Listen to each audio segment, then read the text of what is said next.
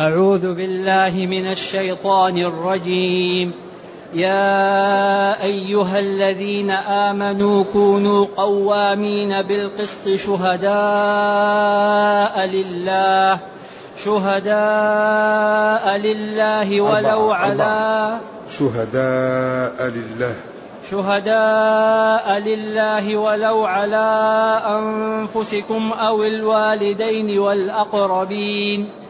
إن يكن غنيا أو فقيرا فالله أولى بهما فلا تتبعوا الهوى أن تعدلوا الهوى الهوى فلا تتبعوا الهوى أن تعدلوا وإن تلووا أو تعرضوا فإن الله كان بما تعملون خبيرا يا أيها الذين آمنوا آمنوا بالله ورسوله والكتاب الذي والكتاب الذي نزل على رسوله والكتاب الذي أنزل من قبل ومن يكفر بالله وملائكته وكتبه ورسله واليوم الآخر فقد ضل ضلالا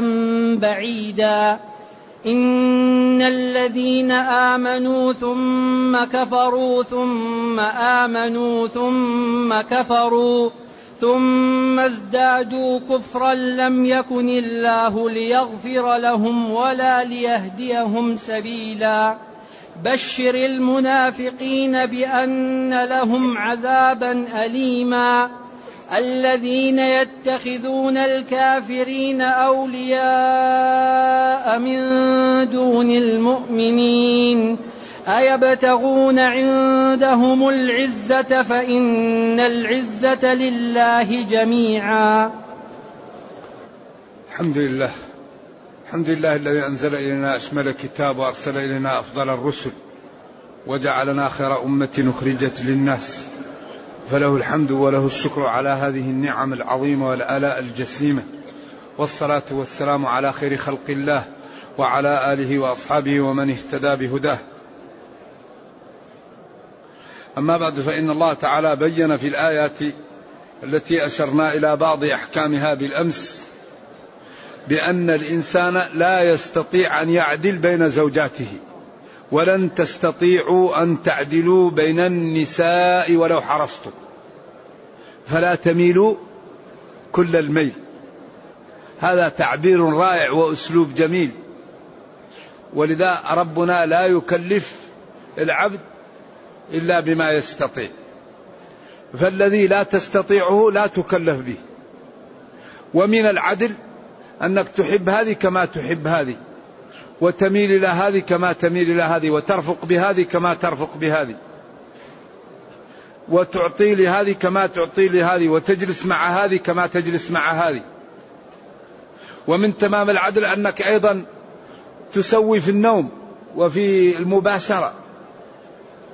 لكن لما كانت هذه الأمور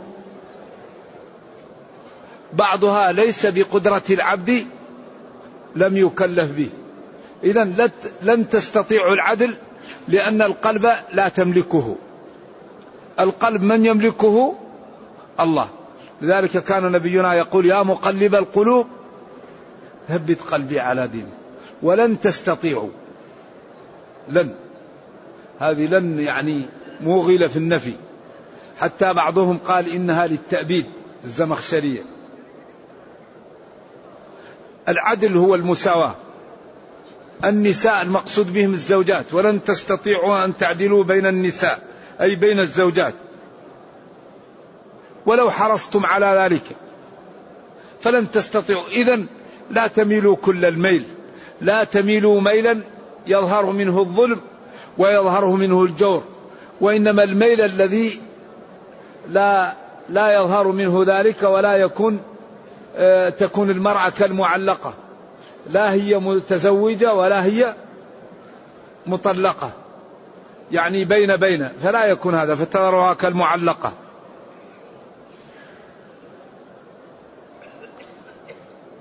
وإن تصلحوا وتتقوا فإن الله كان غفورا رحيما. تصلحوا أموركم وتتقوا ربكم فإن الله كان غفورا لذنوبكم رحيما بكم ما سلف يغفره. لكن في بعد نزول الآية والبيان افتحوا بابا جديدا من الاستقامة ومن العمل. اصلحوا أحوالكم. واتقوا ربكم. ولذلك أغلب الخلاف ناشئ عن نقطتين. أغلب الخلاف.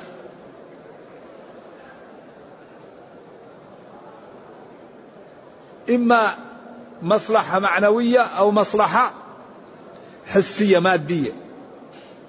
وكل مشاكل الأمة هي من محبة المال والجاه.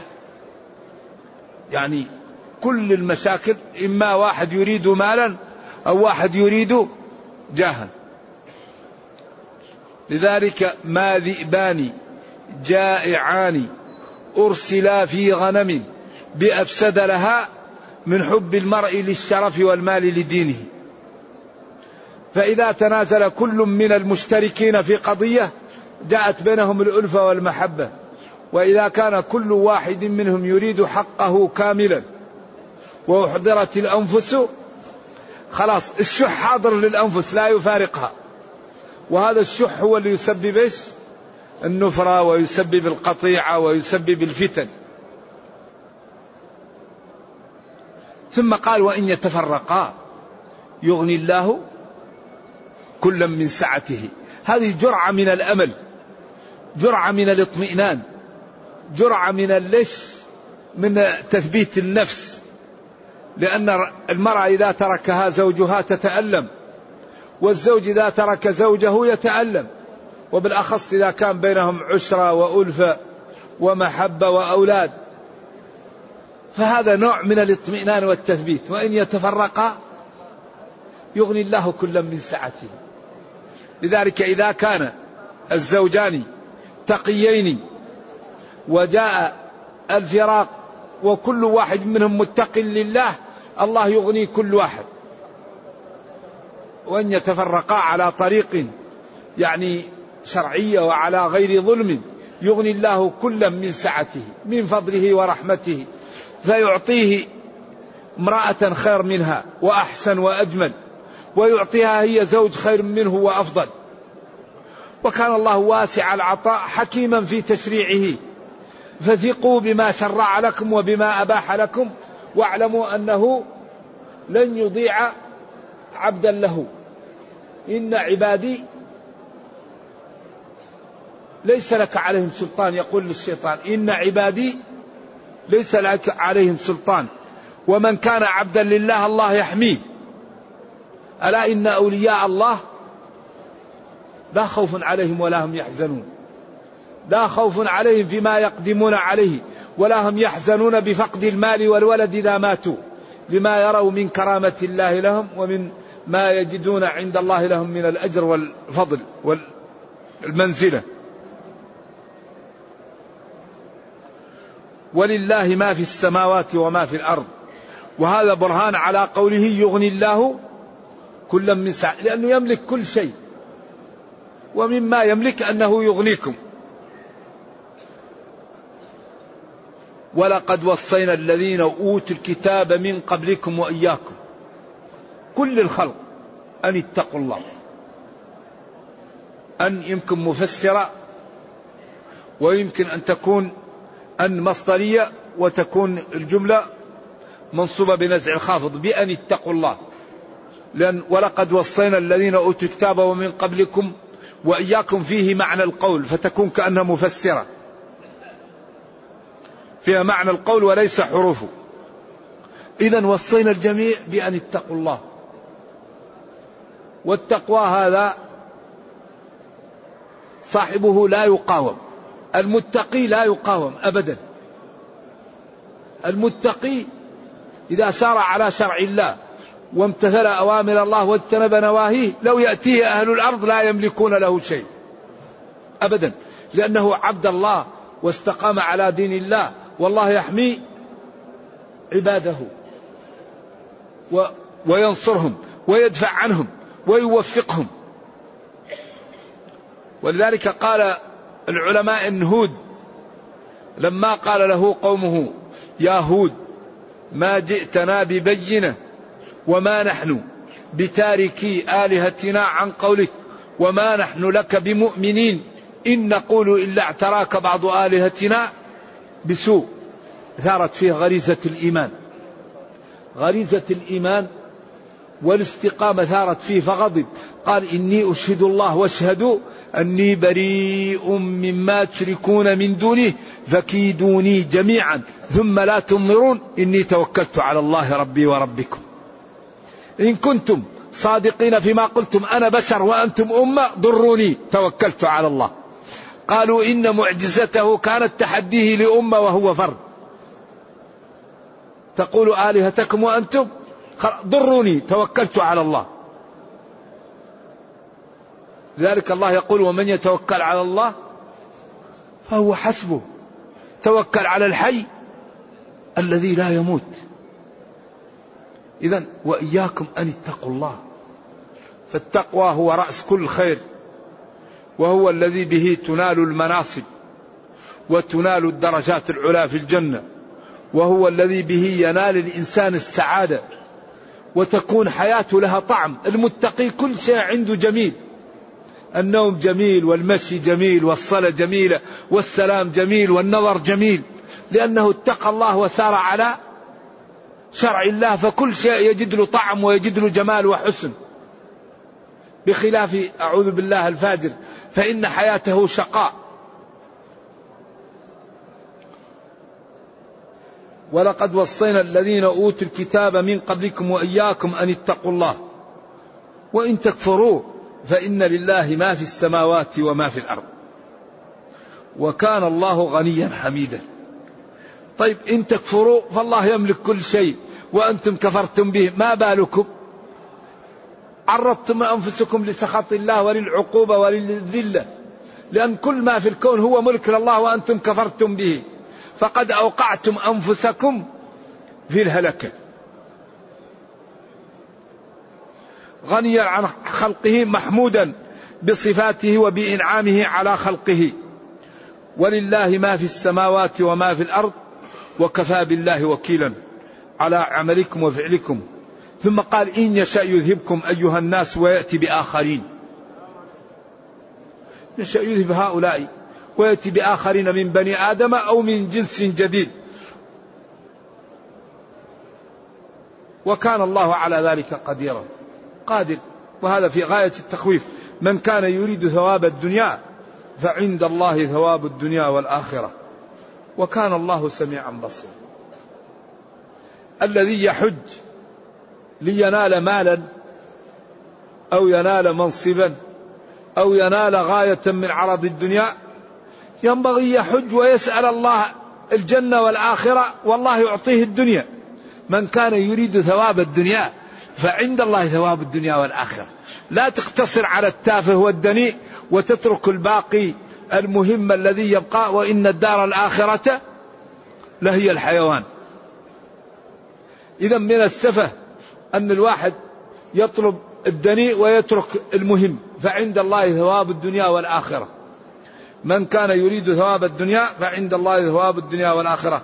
وكان الله سميعا لأقوالكم بصيرا بنياتكم. فإن أخلصتم وتبتم واستقمتم فسيسعدكم في الدنيا والأخرى. وإن كفرتم وكذبتم فإن الله تعالى سيعاقبكم. إذا الله يفتح لكم الباب ويبين لكم طرق النجاة فبادروا. ثم قال يا أيها الذين آمنوا كونوا قوامين بالقسط شهداء لله ولو على أنفسكم أو الوالدين والأقربين. يا حرف نداء أي وصل للنداء الذي فيه ال؟ الذين آمنوا تشمل 11 جملة.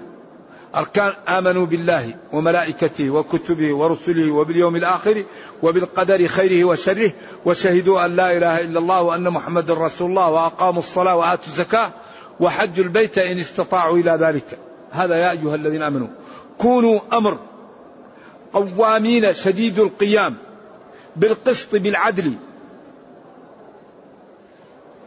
شهداء لله. يعني قائمين بالحق وببيان الصدق وببيان الشهادة لأجل الله. لا لأجل عرض ولا لأجل رشوة ولا لأجل أمر لله. كونوا هذا أمر للوجوب. قوامين شديد القيام بالقسط بالعدل. شهداء لله.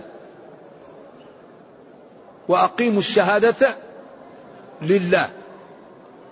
ولو كان المشهود عليه نفسك أو أبوك أو ابنك أو الوالدين والأقربين. ولذلك يعني الشهادة هي إقرارك لحق على إنسان لحق لآخر.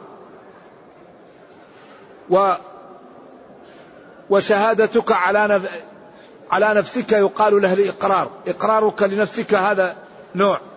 والشهادة اسمه الدعوة والشهادة والإقرار. كل هذا هنا ينبغي أن تأتي به بالصدق. ينبغي للإنسان أن يستعمل الصدق سواء كان الأمر له أو عليه أو لوالديه أو لآخرين. كما قال ولا يجرمنكم شنآن قوم على أن لا تعدلوا. فإذا كانت شيء تشهد به لنفسك على نفسك يقال له إقرار. وإذا كان تشهد لأحد على أحد تقر به يقال له شهادة. وإذا كان تطالب بحقك يقال لها دعوى إذا ينبغي أن تصدق في الدعوة وتصدق في الإقرار وتصدق في الشهادة. كونوا قوامين يعني شديد القيام بالقسط أي بالعدل شهداء لله. شهادة لله تؤدوها ولو على أنفسكم. واحد أخذت منه مالا كثيرا ولم يكتبه ولم يدري أحد. أنت بإمكانك تقول ما أخذت منك شيء. لكن هو جاك وقال لك أنا أريدك أن تكتب لي ما أخذت منه. تقول له نعم وتكتب له عشان يبقى وثيقة عنده. فلا تمتنع. واحد رأيت ظلم واحد وطلب منك أن يشهد تشهد له تأتي وتقول هذا ظلم هذا. إذا ينبغي أن نقيم الشهادة بالقسط لله. ولو كانت على أنفسنا أو والدنا أو ولدنا أو الأقربين أو الأصدقاء. ينبغي أن تقام أن يقام العدل والحق. ولذلك السماوات والأرض قامت على ما لا؟ على العدل. كل الدنيا تقوم على العدل. والذي يدمر الظلم الظلم يدمر. الظلم يجعل آه، الحبارى والجعل يتضرران. من ظلم ابن آدم. ظهر الفساد في البر والبحر بما كسبت أيدي الناس. لذلك أمر الله بالعدل. فالإنسان يعدل في نفسه يعدل في ولده يعدل مع زوجه مع جيرانه ويقيم الشهادة شهادة الحق. ولو كان المشهود عليه نفسك ولو على أنفسكم أو الوالدين والأقربين. يا سلام. أما تروا جمال هذا الدين؟ أما تروا الحسن؟ لذلك الإسلام يأمر بإنفاذ. كان في أول الزمن أي واحد يشهد لو لنفسه يقبل شهادة لنفسه ولو لولده لكن لما فسد الناس لا تقبل الشهادة من لا للوالد ولا للنفس ولا للقريب ولا للزوج ولا للزوجة عند الجمهور ولا للصديق ولا لمن معروف بالكراهية. لا تقبل شهادته عليه من عرف بكراهيته أو بمحبته أو بقرابته لا تقبل الشهادة له. لأن الناس فسدت كثير منها. ولكن الإسلام يأمر بتأدية الشهادة بالحق سواء كان قريب أو بعيد. ولذلك قال في أول المائدة ولا يجرمنكم شنآن قوم على أن لا تعدلوا اعدلوا. هو أقرب للتقوى العدل أقرب للتقوى. إن يكن غنيا أو فقيرا فالله أولى بهما. هنا بين قضية وهو أن الإنسان قد يحابي الغني لأنه غني وقد يحابي الفقير لأنه فقير. فلا تحابي فالغنى والفقر هو من الله والله اللي خلقهم وهو اللي يقوم بشأنهم. وأنت أدي الحق وما لك في الفقير والغني. ما يعنيك فقر هذا ولا غنى هذا. يعنيك تؤدي الحق. إن يكن غنيا أو فقيرا فلا ما لك شغل في ذلك. فالله أولى بالغنى هذا وبفقر هذا وهو الذي أفقر هذا وأغنى هذا. فأدي الشهادة على إيش؟ على واقعها. بصرف النظر عن غنى هذا لا يكون غناه سببا في أن تحابيه ولا يكون غناه سببا في أن تظلمه. وفقر هذا لا يكون سببا في أن تحابيه ولا يكون فقر سبب في أن تظلمه. فأنت أدي الشهادة ولا يهمك غنى هذا ولا فقر هذا. فالله أولى بهما. يا سلام. فلا تتبعوا الهوى. لا تتبعوا الهوى وكل المشاكل تأتي من الهوى وآفة العقل الهوى ونهى النفس عن الهوى. كل المشاكل من الهوى. ابن دريد يقول وآفة العقل الهوى فمن هوى على هواه عقله فقد نجا. وقال ونهى النفس عن الهوى. وقال صلى الله عليه وسلم حجبت الجنة بالمكاره. وحجبت النار بالشهوات. فلا تتبعوا الهوى. كراهة أن تعدلوا أو لأن لا تعدلوا. لا فلا تتبعوا الهوى. فأن تعدلوا كأنها مفعول لأجله. تعدلوا تميلوا أو تستقيموا. فلا تتبعوا الهوى. سواء كان لأجل الميل أو لأجل العدل. اتركوا الهوى لا تتبعوا الهوى. وإن تلووا من اللي يلوي لسانه بالشهادة ويحرفها. أو إن تلو صاحب القضية تلو اللسان أو تلو هذا عن هذا. إما تلوي وتشهد بالزور أو تلي هذا دون هذا من الولاية أو من اللي. أو هي كلها من الولاية من من اللي وتكون أصلها تلو فصار فيها إعلان فحذفت الواو لما همزت ويكون القراءتين بمعنى واحد لأن فيه تلو وتلو. ومنهم من قال تلو بمعنى توالوا وتلووا بمعنى تحرفوا يلوون إيش ألسنتهم بالكتاب لتحسبوه من الكتاب وما هو من الكتاب. نعم. وتعرضوا فإن الله كان بما تعملون خبيرا أي بعملكم أو بالذي تعملونه لا يخفى عليه. وهذا فيه ترغيب وترهيب. فإن صدقتم أو كذبتم فالله تعالى لا يخفى عليه وسيجازي كلا بما لا بما في قلبه. لذلك هذا الدين يبين لنا أنه لا نجاة إلا بالصدق. الإسلام لا يقبل المجاملة. ما فيه إلا واحد مسلم أو واحد كافر. فريق في الجنة وفريق في السعير. مثل الفريقين كالأعمى والأصم والبصير والسميع هل يستويان مثلا؟ فلذا ما فيه وسط واحد يمسك العصا من وسطها في الدين لا. في مسلم فيه كافر. ولذلك لا بد الواحد يأخذ من نفسه لنفسه وتتضح له القضية قبل أن يفوت الأوان. المنافقون قالوا نحن, نحن نأخذ العصا من وسطها كما ستأتي صفاتهم في الآيات القادمة. لكن ما في ما ينجي إلا الصدق. الصدق. هذه الدنيا علاج الدنيا الصدق. إخلاص الإنسان يصدق. الصلاة يصدق فيها الصوم يصدق فيه غض البصر يصدق فيه الكلام يصدق فيه. كل شيء يعمله يكون صادق يأخذ إيش؟ الدرجة كاملة. ولا بد من إعطاء الوقت للتعلم لأن العبادة لا تقبل إلا إذا كانت على المواصفات التي شرعها الله. كل عبادة لها مواصفات. فإذا قام العبد بعمل العبادة على غير المواصفات المطلوبة ينقص أجرها.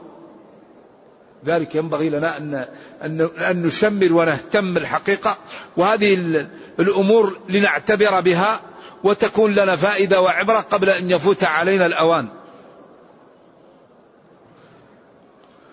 فإن الله كان بما تعملون خبيرا أي بعملكم أو بالذي تعملونه. ما يمكن تكون مصدرية أو موصولية. أي بالذي تعملونه أو بعملكم. خبيرا يعلمه غاية العلم ويفقه دقائقه. لا يخفى عليه منه شيء. يا أيها الذين آمنوا آمنوا بالله ورسوله والكتاب الذي نزل على رسوله والكتاب الذي أنزل من قبل ومن يكفر بالله وملائكته وكتبه ورسله واليوم الآخر فقد ضل ضلالا بعيدا. هذا هنا آمنوا قيل دوموا على الإيمان. وقيل هذا المقصود به المنافقين. وقيل أهل الكتاب. والنداء للجميع. يا أيها الذين آمنوا سواء بمحمد صلى الله عليه وسلم أو بالكتب المتقدمة أو قالوا آمنا هؤلاء آمنوا. آمنوا بالله ورسوله. يعني إن كان المخاطب المؤمنين آمنوا به. دوموا على الإيمان.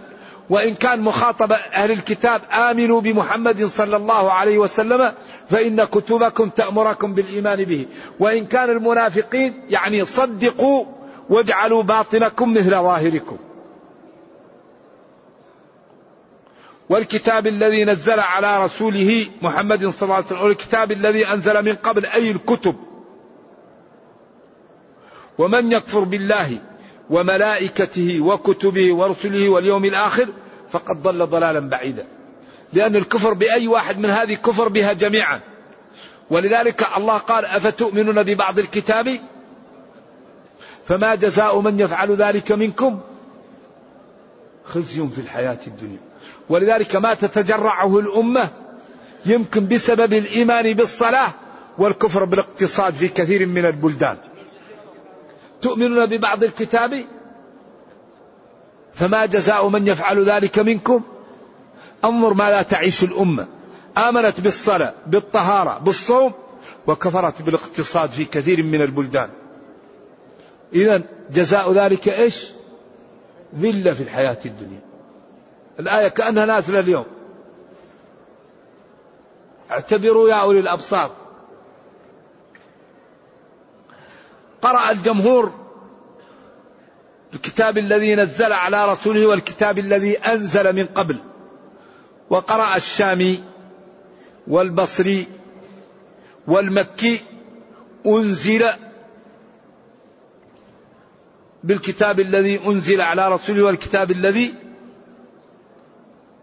نزل يعني بناه للمجهول إذا بن عامر الشامي وأبو عمرو البصري وابن كثير المكي أنزل ونزل بنوها للمجهول الفعلان.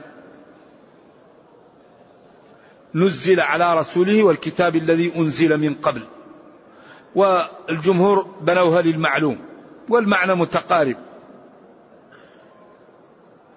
إذا ومن يكفر بالله ربا وبالملائكة عباد مكرمون لا يعصون الله ما أمرهم ويفعلون ما يؤمرون وكتبه التي أنزلها على رسله ورسله أنهم يبلغون عن الله معصومون فيما يبلغون عن الله واليوم الآخر الذي يجعل الولدان شيبا فقد ضل. لذلك هذه الأمور لازم من الإيمان بها. ولذلك كثيرا ما يخوف الرب جل وعلا من يوم القيامة. اتقوا يوما. لا ت... إن إن زلزلة الساعة شيء عظيم. فقد ضل الضلال الذهاب عن الحق عياذا بالله والوغول في الكفر.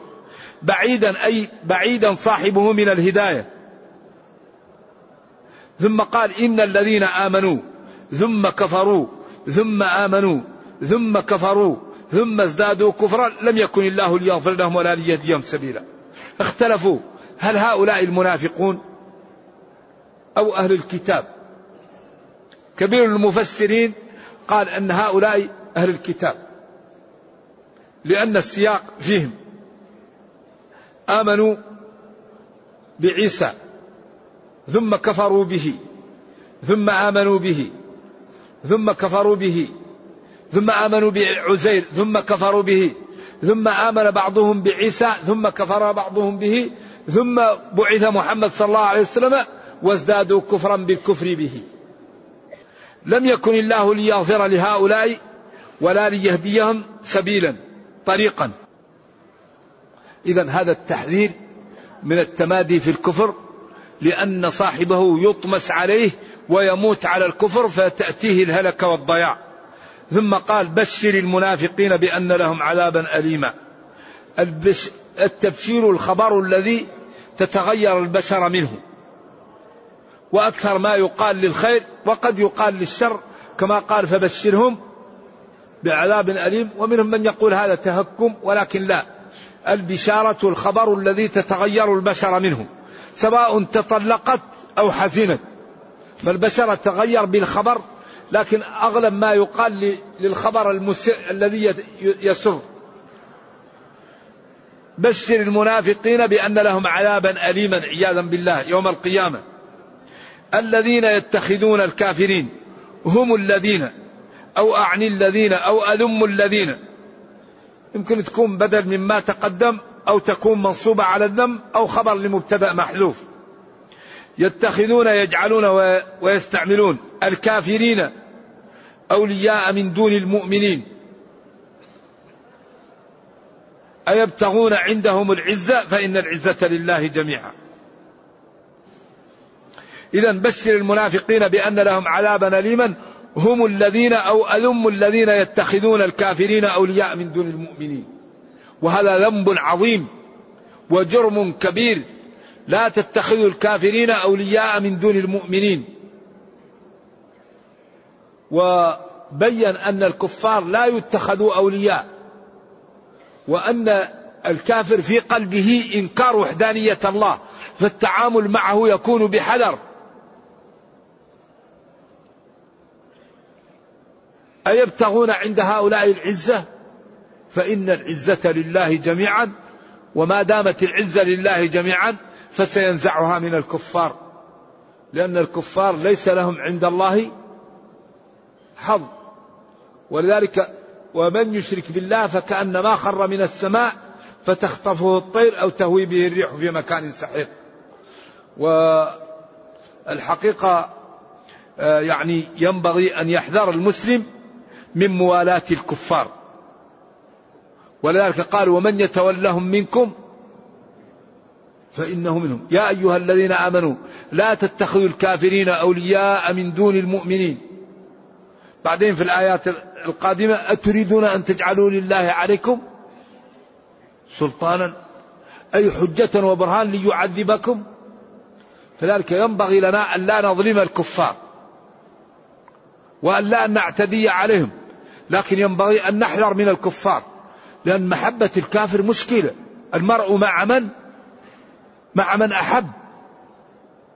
فالكافر يتعامل معه بحذر لا يظلم ولا يعتدى عليه لكن يتعامل معه بحذر لأن هذا في قلبه الكفر. أما المسلم فأمره سهل. ما دام قال لا إله إلا الله فمحبته من الدين ومؤاخاته. لأن لا إله إلا الله لو توزن بالسماء والأرض ليش؟ لرجحت. لو أن السماوات والأرض في كفة ولا إله إلا الله في كفة إذا التعامل مع المسلم ما فيه إشكال. لكن التعامل مع الكافر هذا مشكل. ذلك ينبغي أن يتعامل مع الكفار بحذر. لا يظلمون ولا يعتدى عليهم ولكن لا يتعاملون إلا بقدر حاجة. فلا يؤكل في أوانيهم لأن أواني الكفار نجسة. أواني الكفار نجسة. إذا أردت أن تأكل في أوانية الكفار لا بد أن تغسلها. لا تنام على فراش الكافر. إنما المشركون إيش؟ نجس. هذا كلام من؟ الله. إنما المشركون نجس. وأي نجاسة أكبر من, من الشرك بالله؟ لذلك ينبغي أن يكون التعامل معهم بحذر. وينبغي أيضا أن نظهر لهم جمال الدين في حياتنا لكي ينقذهم الله. لأن كثير من الكفار كل ما رأى حسن الإسلام وجماله ونظر إلى أخلاق المسلمين صدته أخلاق المسلمين عن عن الدخول في الإسلام. فينبغي للمسلمين أن يظهروا جمال الدين في حياتهم ويحسنوا إلى الناس ويتمسكوا بدينهم ويظهروا الصلاة ويظهروا تحريم لحم الخنزير وتحريم الميتة وتحريم لمس الأجنبية وتحريم الخلوة بالأجنبية ويطبقوا شرعهم على أنفسهم. كل واحد يمكن أن يقيم الدين على نفسه. لا يأكل حرام لا يكذب لا ينظر إلى الحرام لا يسمع حرام. كل واحد بمقدوره هذا. فإذا قام كل واحد منا بما يستطيع من الإسلام أحب الناس الدين ودخلوا في دين الله. فإذا كان كل واحد منا يتكلم بالدين ولا يعمل هذه مشكلة. يكون عندنا انفصام. الأمة المسلمة تعيش انفصام. تقرأ يا أيها الذين آمنوا اتقوا الله وذروا ما بقي من الربا إن كنتم الربا منتشر. إذا فيه انفصام. الأمة تعيش انفصام.